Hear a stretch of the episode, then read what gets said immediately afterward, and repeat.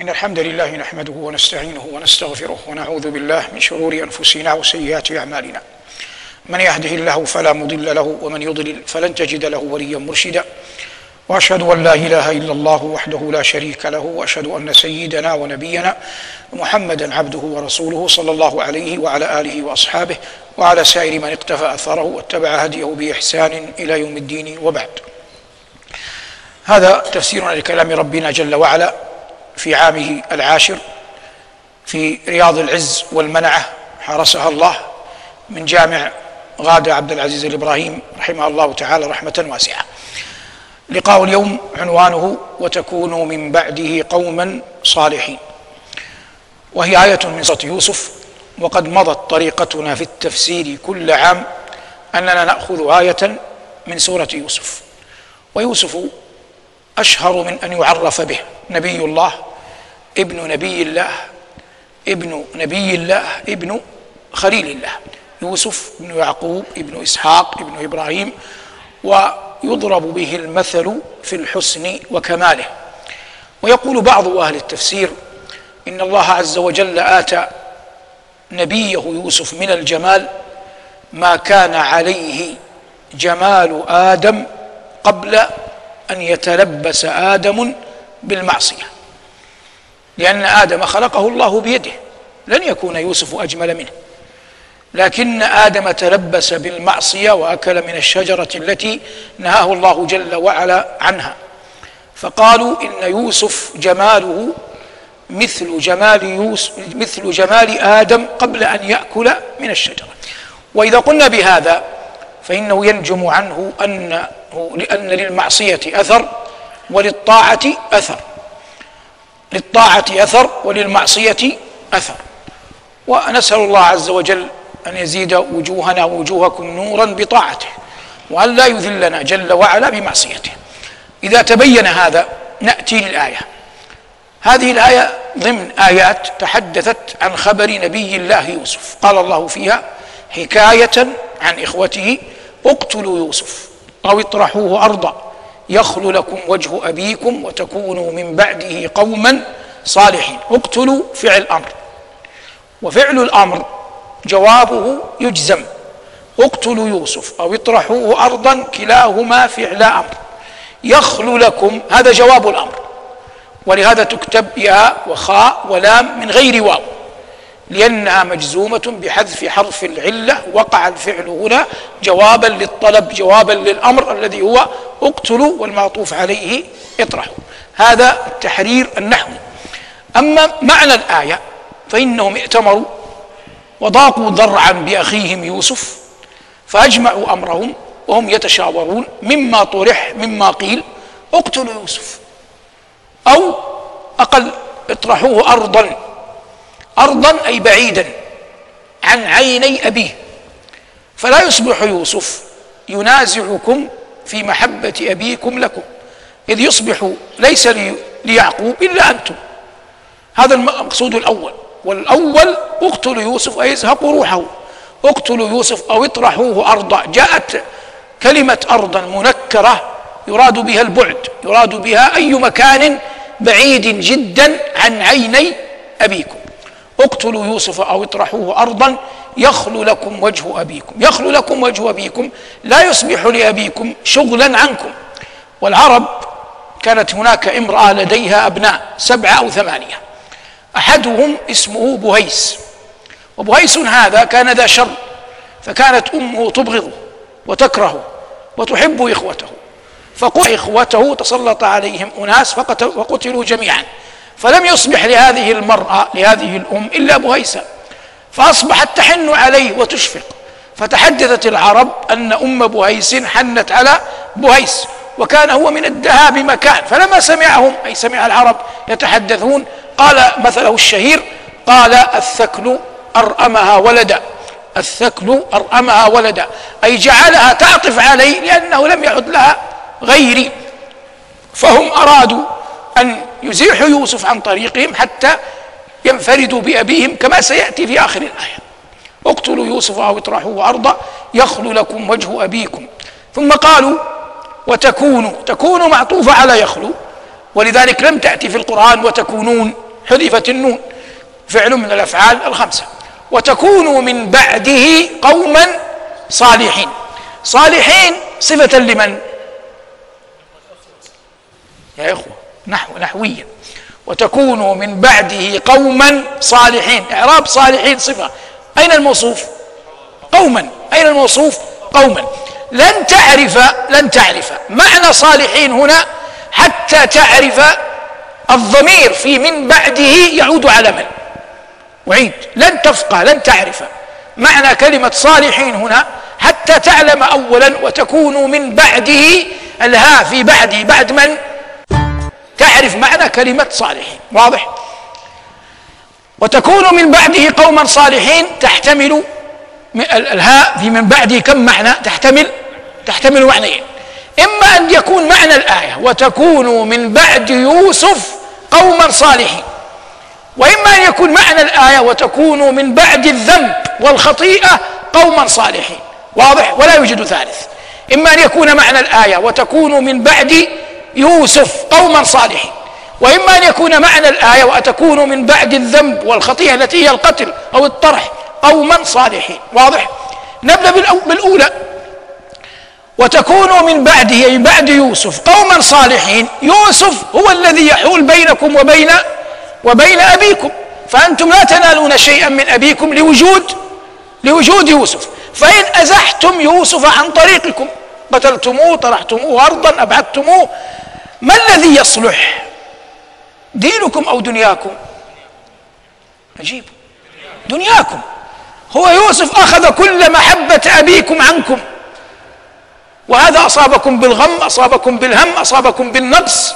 فإذا يوسف هذا قتل أو طرح أو بعد فإن حالكم يصلح دنيويا. الآن لا يتحدثون عن الدين. فإذا ذهب يوسف ولم يعد يوسف موجودا في الدار فإن أباكم كل شأنه سيكون إليكم. كل عطائه لأنه لا يوجد يوسف. فسيصبح أبوكم أكثر عطاء لكم. فلأجل ذلك معنى صالحين هنا الصلاح في أمر الدنيا. يعني أموركم المتعطلة أموركم المعلقة أموركم التي لم تكتمل ستكتمل إذا غاب يوسف عن الدار. واضح الآن؟ هذا في حالة إن الضمير يعود على يوسف وتكون من بعده أي من بعد يوسف. الحالة الثانية أن يكون المعنى وتكون من بعده أي من بعد الخطيئة من بعد الذنب من بعد قتله من بعد أن قتلتموه واقترفتم الذنب بطرحه أو قتله. وتكونوا من بعد الذنب قوما صالحين. هم الآن يعلمون أنه ليس سهلا أن يقتلوا أخاهم. وكل واحد فرد منهم متخوف. فلا بد يأتون بشيء يشجع الجميع على مسألة القتل. فأتوا بفكرة التوبة بعد الذنب. وهم لم يأتوا الذنب بعد الفكرة بالتوبة بعد بعد الذنب. حتى يسهل الأمر عليهم فيندفعوا إلى قتل يوسف. نظيره في الناس اليوم مما يقع. الآن الحج شهر الحج. يأتي قبله شهران. ما هما؟ شوال وذو القعدة. في حياتنا المعاصرة شوال وذو القعدة يوافق إجازة يوافق إجازة.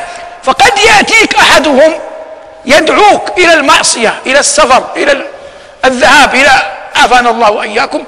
يدعى غيركم أنتم إن شاء الله كرام إلى بارات الشرق حانات الغرب إلى معاصي بحجة أنها إجازة. فأنت إذا ذكرته بالله تخوفت رددت لم تساعده لم تعنه لم تقبل هو يأتيك من باب آخر. يقول كأني سمعتك هذه بالعامية ما تجي إلا بالعامية يعني بين قوسين. يقول كأني سمعتك تقول مرة الحج حملة ما حملة. تقول له أنت نعم. يقول أنت بتحج؟ تقول له إيه بحج؟ قال خلاص روحوا وبعدين وبعدين حج. يعني صارت أيسر وأسهل. ما دام أنت عندك نية ما دام لديك نية حج فاذهب في شوال وذي القعدة وانت الحمد لله إن شاء الله بتحج وسمعت فلان من المشايخ يقول إن الحج يجب ما قبله ويأتيك بالطريقة هذه. هذه الطريقة هي معنى قول الله وتكونوا من بعده قوما صالحين ولا هؤلاء إخوة وولدوا في بيت نبي وأبوهم نبي وجدهم نبي. ما يستطيعون يعني يجبرون يعني يتعاونون على قتل أخيهم يحتاجون إلى شيء شيطاني. هذا الشيطان الشيء الشيطاني وسوس به الشيطان إليهم أنه قال لهم وتكونوا من بعده قوما صالحين.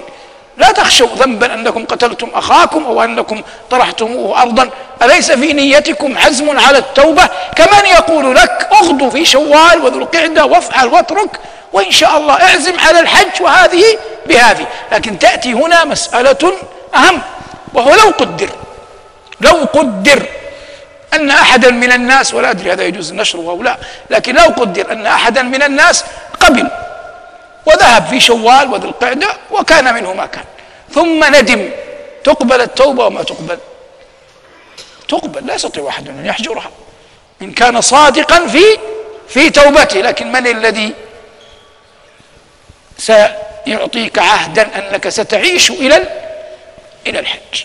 ومن الذي سيعطيك أن المعاصي لا تجعل في قلبك أثرا تمنعك حتى من من الحج. وقلنا مرارا إن أعظم ما تتقرب به إلى الله أن تنوي الخير وأن تنوي أن لا تأتي الشر. عياذا بالله بالعبد إثما أن يبيت وقد نوى إذا أصبح أن يعصي الله. وكفى بالله وكفى بالعبد شرفا أن يبيت وقد نوى إذا أصبح أن أن يطيع الله. واضح؟ هذا معنى قول الله عز وجل وتكونوا من بعده قوما صالحين وهذا كله في خبر هذا النبي الكريم. ثم رزقهم الله أن أحدا منهم قال لا تقتلوا يوسف وهذا يظهر أن العاطفة لديه أكبر وألقوه في غيابة الجب. يلتقطه بعض السيارة إن كنتم فاعلين. الآن ماذا أقول لكم؟ أنا أحاول أن أقرب القرآن بالشيء الذي تفهمه. الآن في الخطوط الطويلة في خطوط السيارات أو حتى في الدوارات. الأمانة التي ودارة الطرق يجعلون في الطريق محل يعني منزوي. لماذا يجعلونه؟ لو تعطلت سيارة توقف توقف فيه. واضح الآن؟ تكون أشبه بالمربع موجودة في جميع البلدان. واضح؟ كانوا إذا بنوا البئر إذا بنوا البئر وطووها يجعلون في نفس البئر خبايا يمين ويسار. فلو أن أحدا نزل لينزح البئر وتعب أين يستريح في هذه الخبايا؟ واضح الآن؟ هذا يسمى لغة شرعا سمي كما شئت يسمى غيابة الجب. غيابة الجب. شيء غايب أين؟ في الجب. هم يعلمون أنهم لو ألقوا أخاهم في البئر من دون غيابة الجب سيموت. وإذا كنت أنت قررتم أن تقتلوه اقتلوه خارج البئر. واضح الآن؟ ما أصبح هناك فرق ما بين قولهم اقتلوا يوسف أو اطرحوه أرضا أو ألقوه في غيابة الجب. المعنى واحد واضح؟ لكن القوه في غيابة الجب يصبح مختفي ولا يستطيع أن يخرج بنفسه. سيأتي أحد يريد البئر سيخرج معهم وهم سيبتاعونه سيملكون أمره ولن يستطيع أن يعود إلى بيت أبيه. واضح؟ وما قدروه وقع. وما قدروه وقع. قال قائل منهم لا تقتلوا يوسف وألقوه في غيابة الجب يلتقطه بالسكون. لأنها واقعة في جواب الأمر. يلتقطه بعض السيارة إن كنتم فاعلين. ما قدروه وقع. قال رب العزة وجاءت سيارة فأرسلوا واردهم فأدلى دلوه. قال يا بشرى هذا غلام وأسروه بضاعة. هؤلاء تحدثنا عنهم كثيرا. ركب. والسادة الركب سادة القافلة لن يذهبوا بأنفسهم إلى البئر. لديهم من يخدمهم. فأرسلوا من يخدمهم. هؤلاء الذين يخدمون هؤلاء السادة ليس بيدهم مال. ضعفاء. هم مجبرون على خدمة هؤلاء السادة. تعودوا يبعثونهم إلى البئر. ذهبوا إلى البئر. أنزلوا الدلوى. تعلق نبي الله وهو ابن سبع سنين على أظهر أقوال أهل العلم والعلم عند الله. وإن لم يكن سبعا فهو حولها. فتعلق بالبئر فتعلق بالدلو. هذا الذي يرفع الدلو. وجد ينشد ماء وجد يوسف. قال يا بشرى وضاءت وجه يوسف. هي التي جعلته يقول يا بشرى. وإلا عقلا لو إنسان رمى دلوا في في بئر وخرج بني آدم يفجع. لكنه لما وجد وجها وضيئا غلاما صغيرا وضيئا عليه هيبة النبوة من أجداده من أبيه إلى جده إلى جد أبيه كلهم في في ظاهرين في وجهه. فلما رآه قال يا بشرى هذا غلام. لما وجدوه طمعوا فيه. قالوا إن رددناه إلى ساداتنا جعلوه معنا. ونحن لم نستفد شيئا قال الله وأسروه بضاعة. أسروه يعني أخفوه. جعلوه بضاعة دون أن يعلم سادتهم عنه. ثم باعوه تخلصا منه حتى لا يسألهم السادة. ولو طال الأمد وهو معهم لا عرف حالهم. ولذلك لما أرادوا أن يبيعوه باعوه بأي بأي ثمن؟ كانوا قديما في حياتهم المالية المال إذا كان كثيرا وزنوه وإذا كان قليلا. أنتم فيكم أدب ما شاء الله زايد شوي. المال إذا كان كثيرا وزنوه وإذا كان قليلا عدوه. يسهل عده دراهم عدها يعد ويعطيك. الله عز وجل لما ذكر بيع يوسف قال وشروه يعني باعوه. وشروه بثمن بخس دراهم معدودة. كلمة بخس ليس ليس معناه أن يوسف له ثمن لكن لو قدر أن يوسف يباع ويشترى فليس هذا ثمنه. هذا ما تيسر حول قول الله وتكونوا من بعده قوما صالحين والعلم عند الله وصلى الله على محمد وآله والحمد لله رب العالمين.